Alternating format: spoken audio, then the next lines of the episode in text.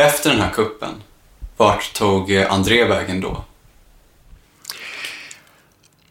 Ja, det vet vi väl inte säkert. Eh, utan... Eh, han var försvunnen? Han var försvunnen, ja. Och det märkliga var ju, ja, allt är ju märkligt i det här ärendet egentligen. Det var ju det att han lyckades ju skaffa sig nytt pass, eller förnya passet. Eh, tre veckor efter den här kuppen. Och då undrar man ju hur i hela fridens namn, eh, han var ju då efterlyst och, och lyckades ändå via, det måste ju, ja enda sättet att få det var ju via polisen så att säga, polisstation. Och han kunde då tänka sig tydligen att ta sig till en polisstation och gå och hämta ut pass och samtidigt som han är efterlyst. Ja, det är beundransvärt mod. Året är 2003. En värmebölja sveper över Europa och det är den varmaste sommaren i Skåne sedan 1994. Rolf Lundberg, du har ju semester nu. När du ligger där i hängmattan så tänker du tillbaka nu för en, ungefär en två månader sedan på den här kuppen. Mm. Vad är det för tankar som går genom huvudet då?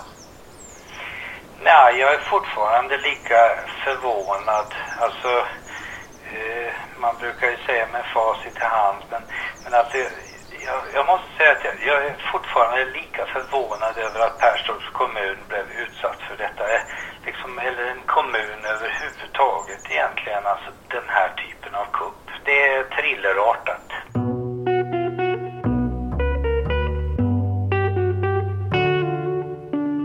I mitten av den här sommaren, en kokande varm julig dag i Ängelholm, döms Tony till ett års fängelse för penninghäleri. Ni vet, han som plockade ut 800 000 kronor och lämnade över till en okänd man bakom klosterkyrkan. Polisen tror att det är André som tagit emot pengarna. Nu är det ju faktiskt så att den misstänkte 27-åringen då som beskrivs som huvudmannen i den här kuppen fortfarande är på fri fot. Hur skulle situationen ändras om han grips? Ja, för det första så är det ju så att eh jag tycker att det är viktigt överhuvudtaget att brottslingar eh, kan lagföras och få sina straff. Så det är ju, det är ju av den, det skälet viktigt att han återfinns. Sen är det ju på det viset också att om han eh, eh återfinns och kan ställas inför rätta så är ju förhoppningen att det finns en del pengar kvar eller värden kvar på något sätt som, som då kan bidra till att minska vår förlust. Den 15 augusti 2003 gör polisen ett första framsteg i jakten på André. Hans mörkgröna Jaguar hittas vid Amsterdams internationella flygplats, Schiphol. Bilen har falska engelska nummerplåtar.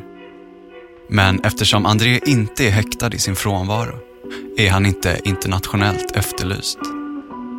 Från Schiphol kan André ta sig var som helst i världen och ingen kan stoppa honom. Vill du att jag ska läsa upp? Ja.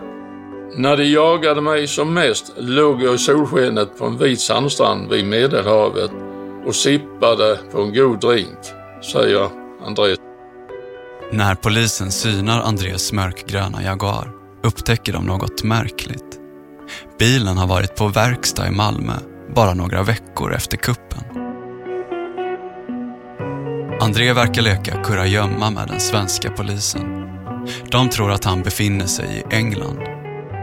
Men i själva verket är André mycket närmre än vad de någonsin kunnat ana. Vi fick uppgifter om att han kunde finnas i England. Han brukade vistas där ofta så att eh, vi misstänkte att han fanns där och vi förberedde ett utlämnande. Men innan vi hann göra detta så fick vi ett meddelande från kollegor i Helsingborg att eh, André hade varit synlig i Helsingborg.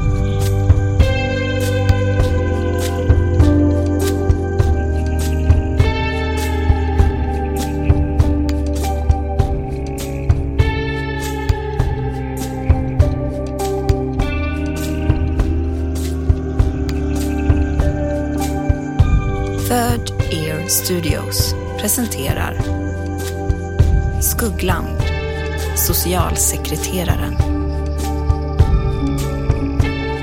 En serie i åtta delar av Mårten Trofast.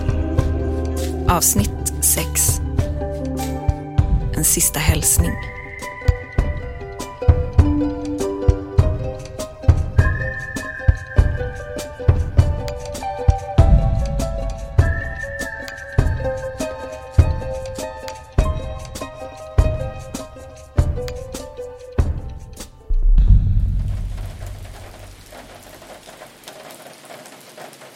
Har blivit höst i Perstorp. De anställda på socialförvaltningen är tillbaka efter semestern. De försöker lägga våren och den osannolika kuppen bakom sig. Vi var ju chockade allihopa, faktiskt. Men ingenting är sig likt på kommunhuset i Perstorp. Jag har inte pratat mycket om det här. På ett sätt skulle man kunna göra det som en, en absurd historia. Som man skulle kunna ja, fundera över tillsammans. Men det har jag alltså inte gjort. Det har varit för skämmigt. Ann minns inte så mycket från den här tiden i Perstorp. Det är som att det är för jobbigt att minnas. Hon har trängt bort det mesta. Ja, jag har ju en känsla av att, att jag har stängt igenom det. Väldigt, väldigt, väldigt mycket. Att det aldrig blev möjligt att uttrycka alla känslor runt det här. Det fanns ju en jättestor ilska naturligtvis. Som aldrig... Ja, som, som, eh, den fanns där, men den var väldigt, väldigt behärskad. Och där tror jag att, att jag och vi alla kanske hade mått bra av att få tillfälle att uttrycka den lite mer obehärskat. Och sen fundera mer på hur kunde det hända? Vad brast vi? Vad var det vi kunde ha sett innan? Vad var det, vad var det som gjorde att vi var så blåögda? Det är många på socialförvaltningen i Perstorp som är påverkade av det som hänt. Hur en kollega så kallsinnigt under flera års tid kunnat gå bakom ryggen på dem. Hur fasen kunde vi låta detta hända? Den trevliga kollegan i mörka pressade kostymbyxor, som en gång i tiden var en vän, känns nu främmande, nästan hotfull i sin frånvaro. Och så hela tiden, var är han? Alltså han var ju borta. Så att det fanns ju en oro i det också. Socialsekreterare Karin Cohen. Då minns jag att jag tänkte en del hemma. Alltså sådär, vad gör jag om han kommer hit eller om han skickar hit någon? Jag hade lite sådana här planer på hur jag skulle skydda oss om det kom någon. Alltså sådana här lite knasiga grejer men som ändå figurerade. Jag vet att någon gång var vi hemma hos Ann, ett gäng, och fikade och det körde förbi någon, någon liten sportbil utanför och vi blev rent stimmiga liksom. Är det han som kör här fram och tillbaks nu och kollar oss och ja, du vet. Aj, jobbigt var det. Jättejobbigt. Ekonomichefen Anders Ottosson, ni vet han som rusade över torget i rekordfart och lyckades sabba Andreas kupp, är också på sin vakt. I och med att han var på fri fot så, så eh, det är klart att eh, vi hade en liten vovve på den tiden som man gick ut på kvällarna och det är klart att man tittar sig lite över axeln för att eh, jag var ju en av dem som var med och lyckades stoppa utbetalningen av, av eh, pengarna till honom. Så, att, så det är klart att man tyckte det var obehagligt så länge inte han fanns bakom lås och bom. I fem månader har polisen jagat André. De tror att han befinner sig i England och förbereder en internationell efterlysning. Men de hinner aldrig verkställa den. För i mitten av oktober 2003 får polisen ett tips. Utredare Leif Velin. Vi får tips om att eh, André i ett annat namn skulle ha öppnat en postbox i Helsingborg Tipset lyder så här. Det finns en postbox i Helsingborg. Vi kan säga att det är namnet Dag Karlsson. Polisen misstänker att det är Andres nya alias. Men eftersom utredare Leif jobbar i Kristianstad blir det spaningsgruppen i Helsingborg som tar över.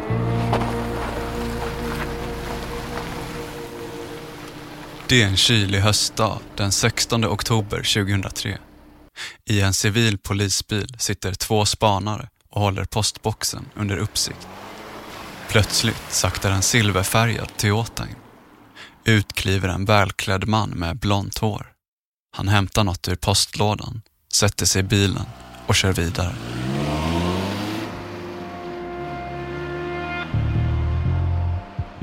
Då bestämde man sig för att följa efter. Och man följde efter E6 söderut ner till Lund. I Lund svänger den silvriga Toyotan av Europavägen och kör till Fabriksgatan. Där stannar den blonde mannen och gör ett ärende på postkontoret. Spanarna sitter kvar och väntar vid bilen. Och snart är han tillbaka och resan fortsätter mot Landskrona. Den blonde mannen vet inte att polisen är hack i häl. Han körde på ett speciellt sätt när han kom till Landskrona och poliserna var oroliga för att kanske han hade upptäckt dem. Till slut parkerar den silvriga Toyotan vid ett lägenhetsområde i Landskrona. Den blonde mannen går ur bilen, genom grönskan och fortsätter mot ett av husen. Han försvinner in i en port till ett rött lägenhetshus i fyra plan. Spanarna följer efter och i entrén hittar de en hyresgästtablå över vilka som bor i huset. Och där står D. Karlsson, våning 1. Spanarna går ut igen, tar sig in på innergården och nu ser de den blonde mannen genom altanfönstret. Man knackade på och han öppnade och polismännen brottade ner honom direkt liksom. Den blonde mannen uppger att han heter Dag Karlsson och säger att han har sitt pass i ytterrocken. När en av spanarna tar fram passet blir han förvånad. Det stämmer. Det är ett giltigt pass, utfärdat bara några månader tidigare i namnet Dag Karlsson och med en bild på den blonde mannen. I mannens bakficka ligger ett ID-kort med ett annat namn. Sigvard Daniel Trollius Bernadotte. Vem är den här mannen egentligen? På golvet i sovrummet står en olåst attachéväska. I den ligger två små svarta askar med vitt pulver. Polisen misstänker att det är kokain. Och nu har de i alla fall tillräckligt för att kunna gripa Dag Karlsson, Sigvard Bernadotte, eller vad den blonde mannen nu heter. Han greps och eh, fördes till poliskontoret i Helsingborg. Kort efter gripandet får den biträdande socialchefen i Perstorp, Ann Uppström, ett telefonsamtal. Då ringde de från polisen och bad att jag skulle komma ner. Och jag fick absolut inte berätta för någon vad jag skulle göra. Ann får höra från polisen att de gripit en person som kan vara André, men de är inte riktigt säkra. Det de ville var att jag skulle bekräfta att det var André, för då hade de alltså hittat honom i Landskrona. Men ville vara helt säkra på att det verkligen var rätt person. Ann får titta på bilder av den gripne mannen. Och han heter varken Dag Karlsson eller Sigvard Daniel Trollius Bernadotte. Det är socialsekreterare André med blonderat hår. Som efter fem månader på flykt äntligen är fast. Den 27-årige socialsekreterare som misstänks för att ha försökt svindla Perstorps kommun på över 20 miljoner kronor har gripits. Han är misstänkt för grovt bedrägeri och grov trolöshet mot huvudman och är sedan tidigare anhållen i sin frånvaro. Så välkommen till eh, Rolf Lundberg som är kommundirektör i Perstorp. Tackar. Ja, Rolf Lundberg, eh, hur och när fick du reda på att gripandet hade skett? Jag lyssnade på radion eh, så det var kvart över sju i morse som jag hörde det. Hur reagerade du då? Ja, det kändes ju som en, en stor lättnad. Inte, bara, inte så mycket för mig personligen men, men för, eh, jag tänker främst på de personer som har jobbat nära honom. Alltså, jag tror att det här behövs för att kunna lägga den här historien eh, bakom sig. Klockan 17.10 den 16 oktober 2003 inleds det första förhöret med André. Det här blir en enkel match, tänker utredare Leif Velin. Men han tror fel. Han eh, verkar besvärande. Han verkar nonchalant. Eh, nästan högmodig där han satt. Liksom att... Eh, jag fick känslan att prata nej. Eh, han skulle inte säga så mycket. Leif är förvånad med tanke på det omfattande utredningsmaterial som polisen lyckats få fram under de här månaderna trodde han att André skulle erkänna och berätta hur allt hade gått till. Han nekade till allt. Så det, det blev inte så lätt som vi hade tänkt oss. André säger att det är en ganska tjock, slafsig person med sydländskt utseende som talar dålig svenska och som heter Babak som är hjärnan bakom allt. Att det är han som tvingat André till att upplåta sina konton för att ta emot pengar. Och André har släppt in Babak på kommunhuset vid flera tillfällen, säger han. Rolf Lundberg är övertygad om att Andrew inte var ensam den kvällen. Kuppen krävde datakunskaper som jag inte tror att han har, säger han. Ja, alltså vi... Eh, André hade inte, hade inte liksom givit några tecken på att han var en hacker. Så vi tänkte ju så här, han måste ju ha hjälp att, att eh, göra det här. Händelsen då den 22 maj tror jag inte han var själv. Ekonomichefen Anders Ottosson. Att sabotera eh, kommunens backup-system, att radera samtliga användares rättigheter i ekonomisystemet, att sabotera datorer och mycket annat, tror jag att André hade hjälp av någon eller några. Eh, man ska ha väldigt goda IT-kunskaper för att kunna eh, fixa till det här. Någon som borde veta hur tekniskt avancerad kuppen är, är IT-konsulten Jerry. Är det en tekniskt skicklig person som utfört detta? Ja, eh, lite baskunskap eh, inom detta måste han ha. För han har ju, han har ju tänkt i ett flöde från punkt A, B, C vad som ska hända här. Och lyckats fördröja mycket med vattenskadan och ställa om strömförsörjningen. Och det gick ju timmar där innan de var igång igen. Så det är inte vem som helst som kan utföra det här? Nej, och sen, jag vet ju inte om han var själv där eller om det var flera, ingen aning. Men det var, ju, det var ju mycket som skedde på kort tid där på kvällen innan.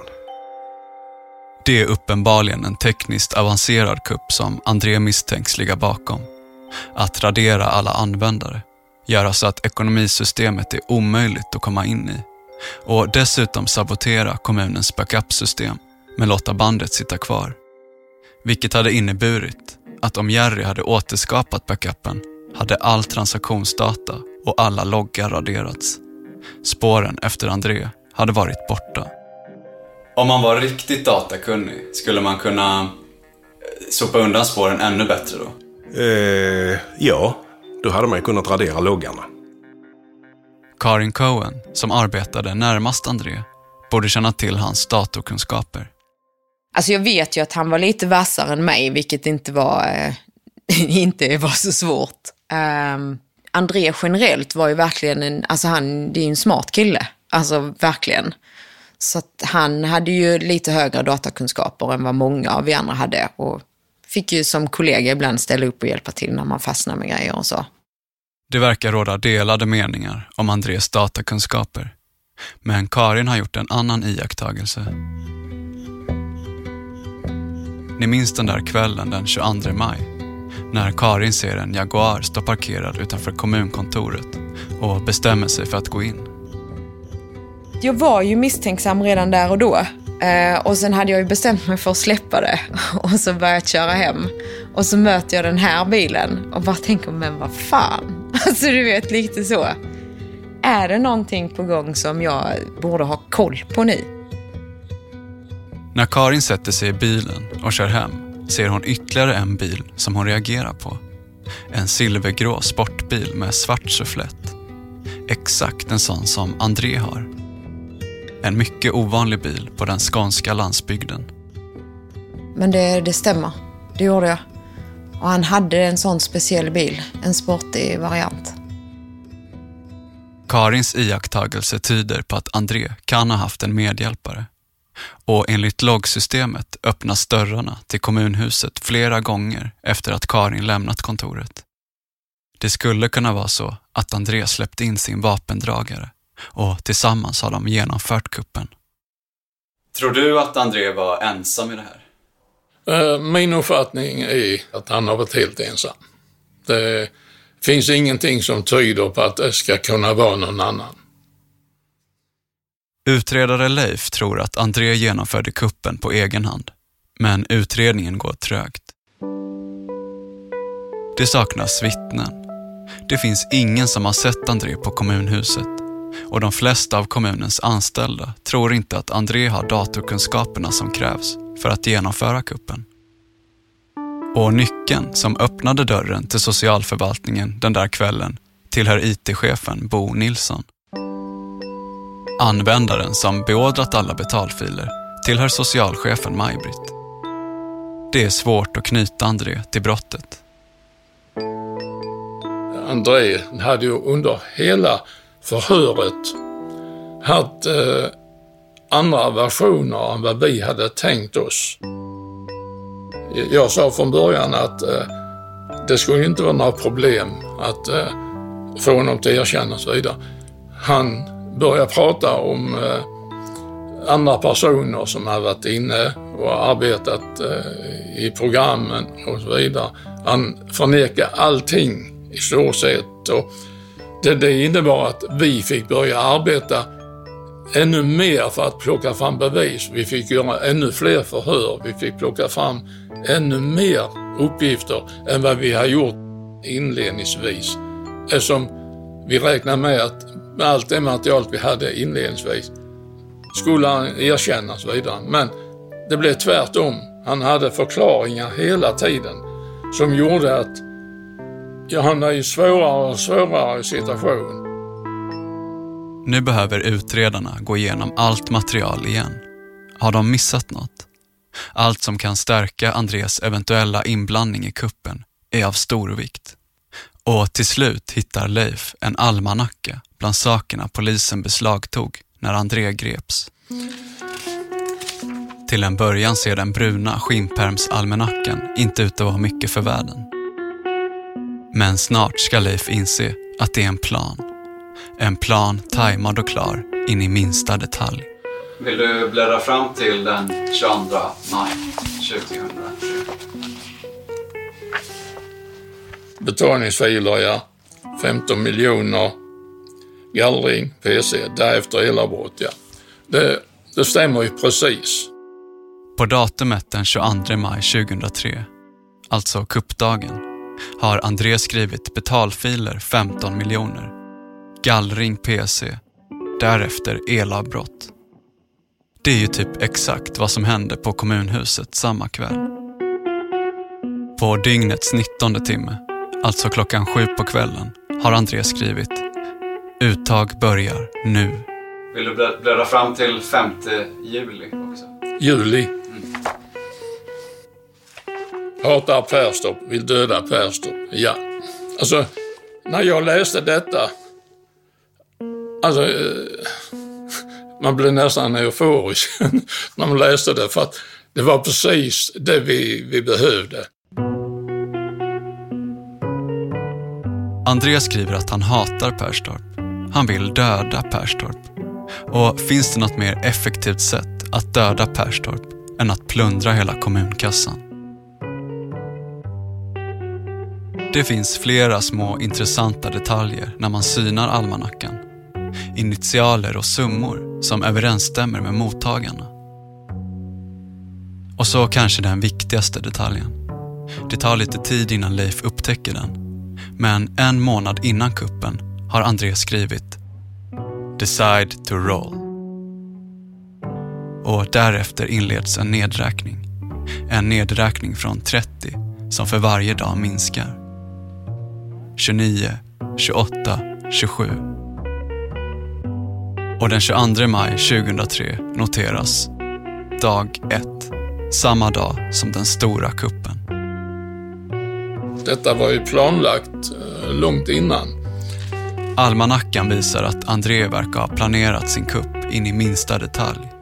Och nu är det läge för Leif att hålla ett nytt förhör med André. Då så sa jag det att jag har en del anteckningar och sånt som jag tycker du ska kunna svara på. Jag säger inte mer, jag bryr mig inte om vad det står, så. Leif fattar att det här är otroligt viktiga dokument. Det här kan vara det avgörande beviset som får André fälld. Men det är bråttom. För samtidigt håller åklagaren på att stämma in för åtal. Han måste få med bevisen innan åtal väcks.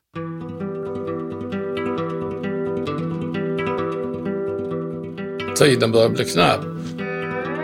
Så jag tog de här anteckningarna jag hade, körde bort till Helsingborg till åklagaren och visade honom. Och han gjorde stora ögon. Han lyste upp helt och hållet. Det var ju precis de grejerna vi behövde.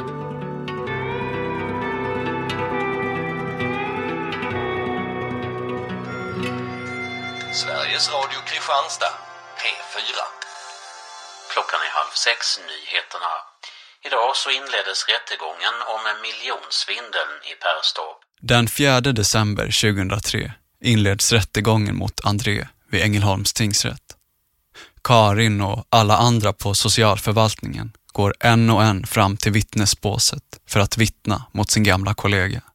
Alltså det var ju ganska nervöst. Och sen är det svårt att minnas om jag var så himla nervös eller om det blev nervöst för att jag minns någon kollega, nu vågar jag inte säga exakt vem, men som tyckte att det var riktigt, riktigt jobbigt. Så att det smittade liksom lite av sig. Man var ju lite nervös för att han inte skulle åka dit för det såklart. Och sen kommer jag ihåg på rättegången, kriminalvården gör ju en personundersökning i samband med en rättegång. Eh, och det var väl första gången som man faktiskt fick en bild av André med hans bakgrund och det han faktiskt har varit med om. Det hade vi ju aldrig någon bild av. Så det kommer jag ihåg att jag tänkte sådär, men shit, liksom. Och för en liten stund blev han mänsklig där, när de läste den. Och så tänkte jag, är den här på riktigt då? Alltså, lite så. Var det så här? Är detta André som de beskriver nu? Eller är det bara ytterligare en fabricering av någonting? Det här med att plötsligt bli osäker på vad som är på riktigt och vad som inte är det, det är konstigt att hamna i.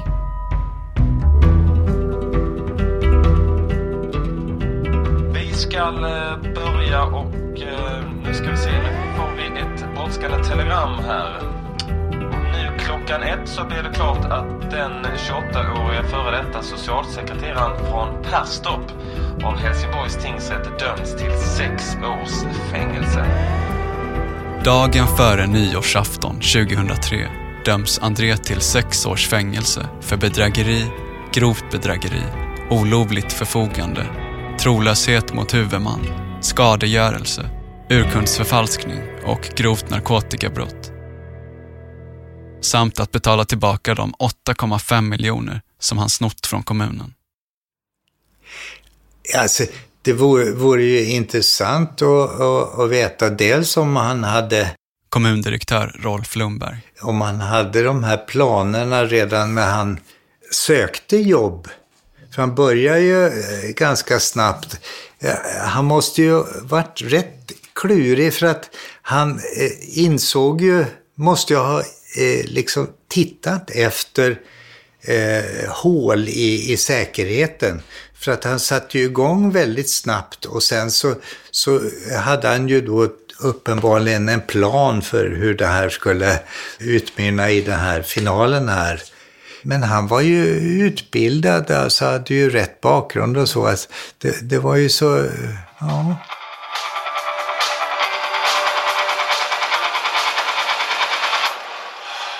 28-åriga André är socialsekreteraren som svindlade Perstorps kommun på över 8 miljoner och så när lyckades stjäla ytterligare 17 miljoner. Jag skulle beskriva mig själv som en eh, livsnjutare eh, utan att för den saken skulle vara en ytlig person. Eh, jag tycker mycket om det som gör livet roligt att leva. Fester, eh, pengar, eh, snabba bilar. Det här är André själv. I en intervju med Hasse Aro i programmet Efterlyst från januari 2004. Han sitter i häkte i Helsingborg i väntan på fängelseplacering. André har rakat hår, en rutig skjorta och en orange pullover. Han sitter tillbakalutad i en stol med händerna i kors. Hans intensiva bruna ögon ser busiga ut. Han verkar självsäker och helt obrydd inför situationen. När kom du på att du kunde lura kommunen på pengar? Ganska omgående. Med mina öppna ögon så, så ser man också luckor i systemet. Gjorde du överhuvudtaget något riktigt jobb med, med klienter där på socialkontoret? Eh, till viss del i början. Sen menar du att det här, sen blev det här så att säga själva anledningen Ja. till att du gick jobbet? Ja då. Redan efter några månader i tjänsten börjar André fiffla med utbetalningarna. Kanske hade han bestämt sig för att lura kommunen innan han började sin tjänst som socialsekreterare. Eller var det kanske tillfället som gjorde tjuven? Det dröjer i alla fall två och ett halvt år innan socialchefen upptäcker brister i Andrés ärenden. Hur kände du då? Eh, det var då eh, tankarna på den stora kuppen kom in. Förmodligen inleddes Andrés planer på den stora kuppen i slutet av 2002 när han insåg att Maj-Britt var honom på spåren. Hon förberedde ett förslag till socialnämnden om att sparka André. Men hon hann aldrig skicka iväg förslaget. Polisen spekulerar nu i om det finns ett samband mellan miljonsvindleriet mot Perstorps kommun och misshandeln av en chef på Perstorps socialförvaltning i mars. Ingemar Lejon vid polisen i Kristianstad arbetar med utredningen av svindleriet mot kommunen och han utesluter inte en koppling. Men han menar att det å andra sidan inte finns så mycket som tyder på det heller. Det är ju två tillfälligheter som, som eh, är eh, märkliga. Men det finns ingenting som visar på för närvarande att det är en koppling. Vi jobbar på att undersöka om det kan vara så. Ja, Lejon. Ett halvår efter misshandeln av Maj-Britt återupptar polisen och utredare Lejon utredningen. André är ett hett spår. Du kommer ihåg den här misshandeln av den här socialchefen? Ja, just det ja. Mm. Maj-Britt. Ja, ja, just det. Ni spånade i om det fanns någon koppling mellan den misshandeln och själva kuppen mot kommunen då? Va, va, minns du vad ni drog för slutsats kring det där? Ja, just det ja. Det var ju frågan om det hade någonting att göra med detta. Och det tror vi ju att det hade därför att det vore ju ett ganska eh, säregen tillfällighet i lilla Perstorp om eh, dels misshandeln av eh, henne kommunanställd samtidigt som den här kuppen skedde. Så det, att det hade ett samband det tror jag nog vi var rätt så övertygade om. Men däremot så har jag för mig att vi kunde inte visa hur. Och vi kunde inte bes- beslå någon med, med liksom fakta där. Så att... Eh, men helt klart så trodde vi då och jag tror ju fortfarande att det hade ett samband. Ja, jag tror att eh, det var för att på något sätt Utredare Leif Velin igen. Hämnas eh, Maj-Britt för hon hade upptäckt hans eh, förehavande. Att han- om han skulle skrämmas för att de inte skulle vidta ytterligare åtgärder. Antingen skrämmas eller så hämnas. Oavsett Leif och Ingmars misstankar så bör det understrykas att André varken åtalades eller dömdes för misshandeln mot socialchefen. Tillbaka till utredningen av kuppen. I Andrés almanacka, den som Leif hittade, kan man se att planen var att genomföra kuppen runt den 20 juni 2003. Men någonting fick André att ändra sig. Och nedräkningen ändras från 60 till 30 dagar. Kanske vågade han inte vänta längre. Och valet att slå till den 22 april 2003 var inte en slump, menar ekonomichefen Anders Ottosson. Det var ju allmänt känt att kommunens skatter och statsbidrag, de kom in till kommunerna kring den, det var inte bara Perstorps kommun, utan det betalades ut via Skatteverket, alltså kring den 20 varje månad. Så att det var ju i sista sekunden, kan man säga. Och han hade noga planerat detta, är jag helt övertygad om. Andreas slår till i exakt rätt läge. När kommunen är som rikast. När kommunkassan är fullproppad på över 20 miljoner kronor. Men allting kunde ha slutat annorlunda. Karin var oerhört nära att avslöja André på kvällen den 22 maj. Jag skulle egentligen kört hem direkt men gick upp ändå. Och gick då och drog i Andrés dörr. Och där var låst. Och då tänkte jag att nej, men du är precis så jag var paranoid som, som vi sa. Och så gick jag igen och körde. Det Karin inte visste då, det var att Andreas satt i rummet bredvid. I det så kallade PC-rummet. Och några minuter senare loggar han in med Maj-Britts lösenord och börjar plundra kommunen på pengar. André gick ju in med Bo Nilssons extra nyckel Mm. 1827 och du kom in på kommunkontoret ungefär 1830. Mm. Hur tänker du kring det efteråt? Efteråt har jag tänkt kring det att jag är jäkligt glad att han satt kvar där han satt och lät mig gå igen. Eh, Med tanke på allt man vet nu efteråt och att han egentligen var ganska, vad ska man säga, i avsaknad av gränser. Um, Så att efteråt är jag bara tacksam över att det gick som det gick. Um, Att, alltså för min del. Att jag inte behövde konfrontera honom med det. För jag vet faktiskt inte vad, vad det hade kunnat innebära för mig. Hade hon öppnat dörren till det rummet där han satt i så vågar man ju inte tänka på kanske vilka konsekvenser som hade kunnat ske. Det kan tyckas märkligt att André är så kallsinnig och tar de här stora riskerna istället för att vänta till senare på kvällen när han visste att alla hade gått hem. Det finns ju ett stopptid för de här utbetalningarna Ekonomichefen Anders Ottosson för att skicka iväg till bankgirocentralen som ligger kring cirka 19.00. För att André ska vara garanterad att få ut pengarna på bankkontona dagen efter måste han få iväg alla filer innan klockan 19. Betalningar som når bankgirot före klockan 19 kan inte stoppas. Och Andres första betalfil skickas iväg 18.56. Det måste alltså varit oerhört stressigt för André att hinna få iväg alla filer innan klockan sju. Och han lyckas inte heller med det. Den andra filen skickas iväg klockan 19.05. Den tredje överföringen klockan 19.31. Den fjärde 19.51 och den sista vid 19.55. André kom lite för sent. Han, han jobbade väl så hårt han kunde.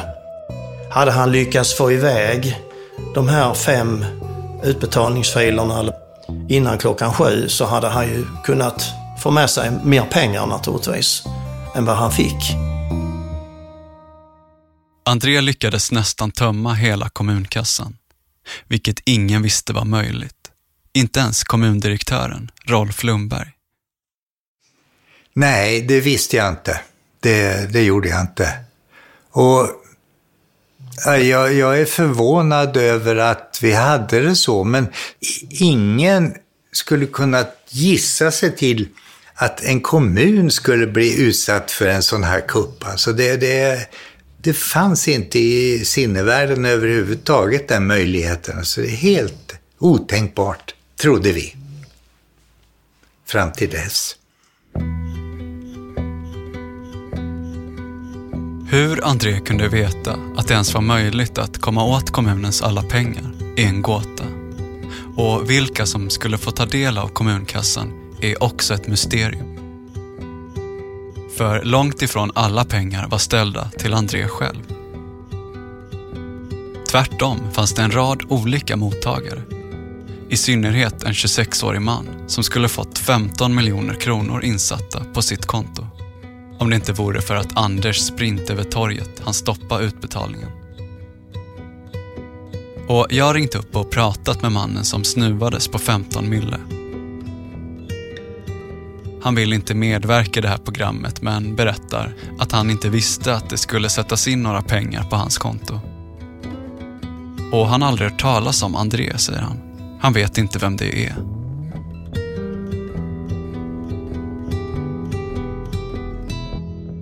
På något sätt så tror jag att han fick en hatkänsla till arbetsplatsen eh, eftersom de kom på honom. Utredare Leif igen.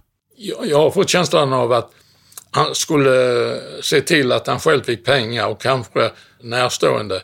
Men sen skulle han skada kommunen. Han har ju skrivit att han hatar Perstorp. Eh, han skulle göra så stor skada som möjligt så att pengarna skulle ut någonstans. Kanske var inte tanken att André skulle tillgodose sig alla pengar själv. Utan det viktiga var att förstöra för kommunen. Att döda Perstorp. Varför hatar man Perstorp? Varför gjorde han de här eh, enkla misstagen? Det finns många outredda frågetecken kring den där kvällen den 22 maj 2003. Dels varför André loggar in med sin egen användare i kommunens nätverk alldeles innan han loggade in med Majbrits, när han hela tiden visste att han hade tillgång till Majbrits lösenord. Och vad var egentligen tanken med vattenläckan, de sabbade datorerna och de kraschade systemen? Om det var en rökridå så fick den motsatt effekt. Kommundirektör Rolf Lundberg. Om systemet bara inte hade startat, då hade ju Jerry kommit och slagit igång det. Men nu i och med vattenskadan och de här datorerna, där tänkte han ju helt fel alltså. Där, där eh, bet han sig ju själv i, där bak. André saboterade kommunens backupsystem, men lät bandet sitta kvar. Hade Jerry återskapat backupen hade all transaktionsdata raderats och alla loggfiler. Och ingen hade vetat att kommunen tömdes på pengar. Och det var ju det som var tanken från André. Ekonomichefen Anders igen. Att man, vi skulle göra enligt regelboken. Men Bo var ju så pass klok så han tänkte nu ska vi inte göra på, på det ordinära sättet vid en vanlig datahaveri utan här är någonting som vi måste gräva i.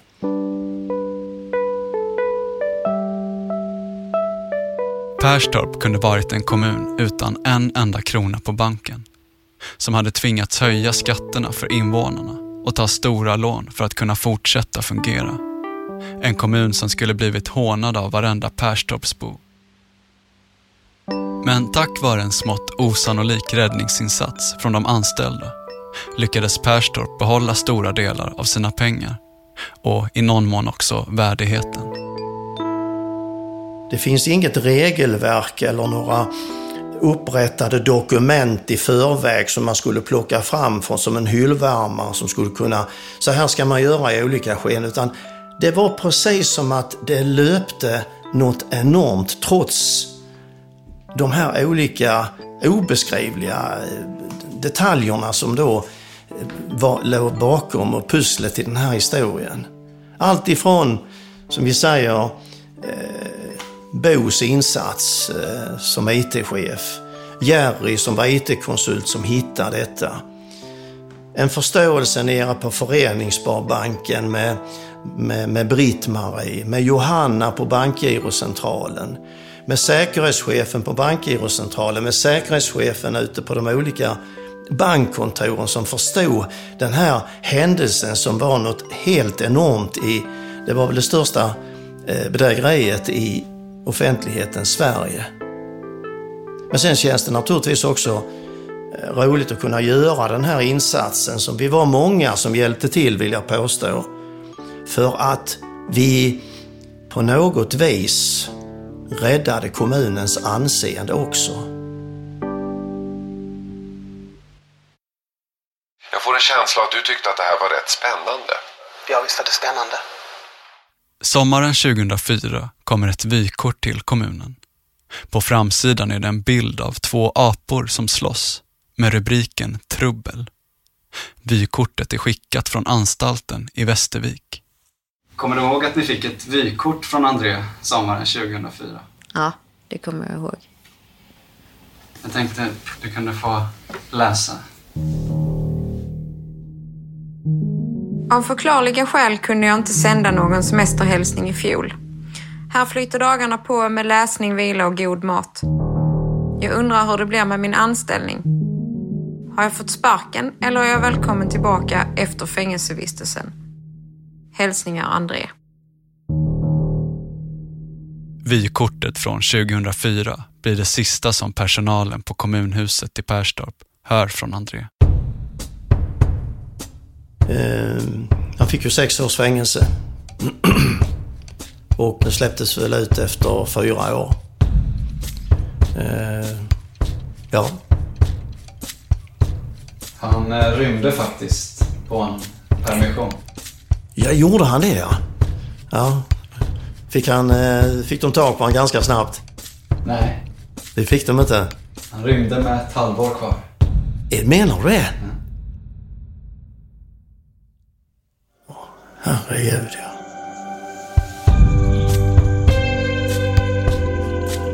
Du har lyssnat på Skuggland, socialsekreteraren. En serie i åtta delar, gjord av mig, Mårten Trofast. Producent var David Mer, slutmix Gustav Sondén. I redaktionen finns också Anna Åkerlund, Sara Lundin, Love Lysarides, Maria Hansson Botin och Joel Silberstein Hont. Vignetten är skapad av Jonathan Johansson och David Lindvall. Arkivklippen är hämtade från Sveriges Radio, Nent Group och Strix Television. Tack till Anna Gullberg. André heter idag något annat. Det som sagts i det här avsnittet om vem som ligger bakom misshandeln av Maj-Britt är spekulationer. André är varken misstänkt eller dömd för att ligga bakom brottet. Han är inte heller dömd för andra våldsbrott.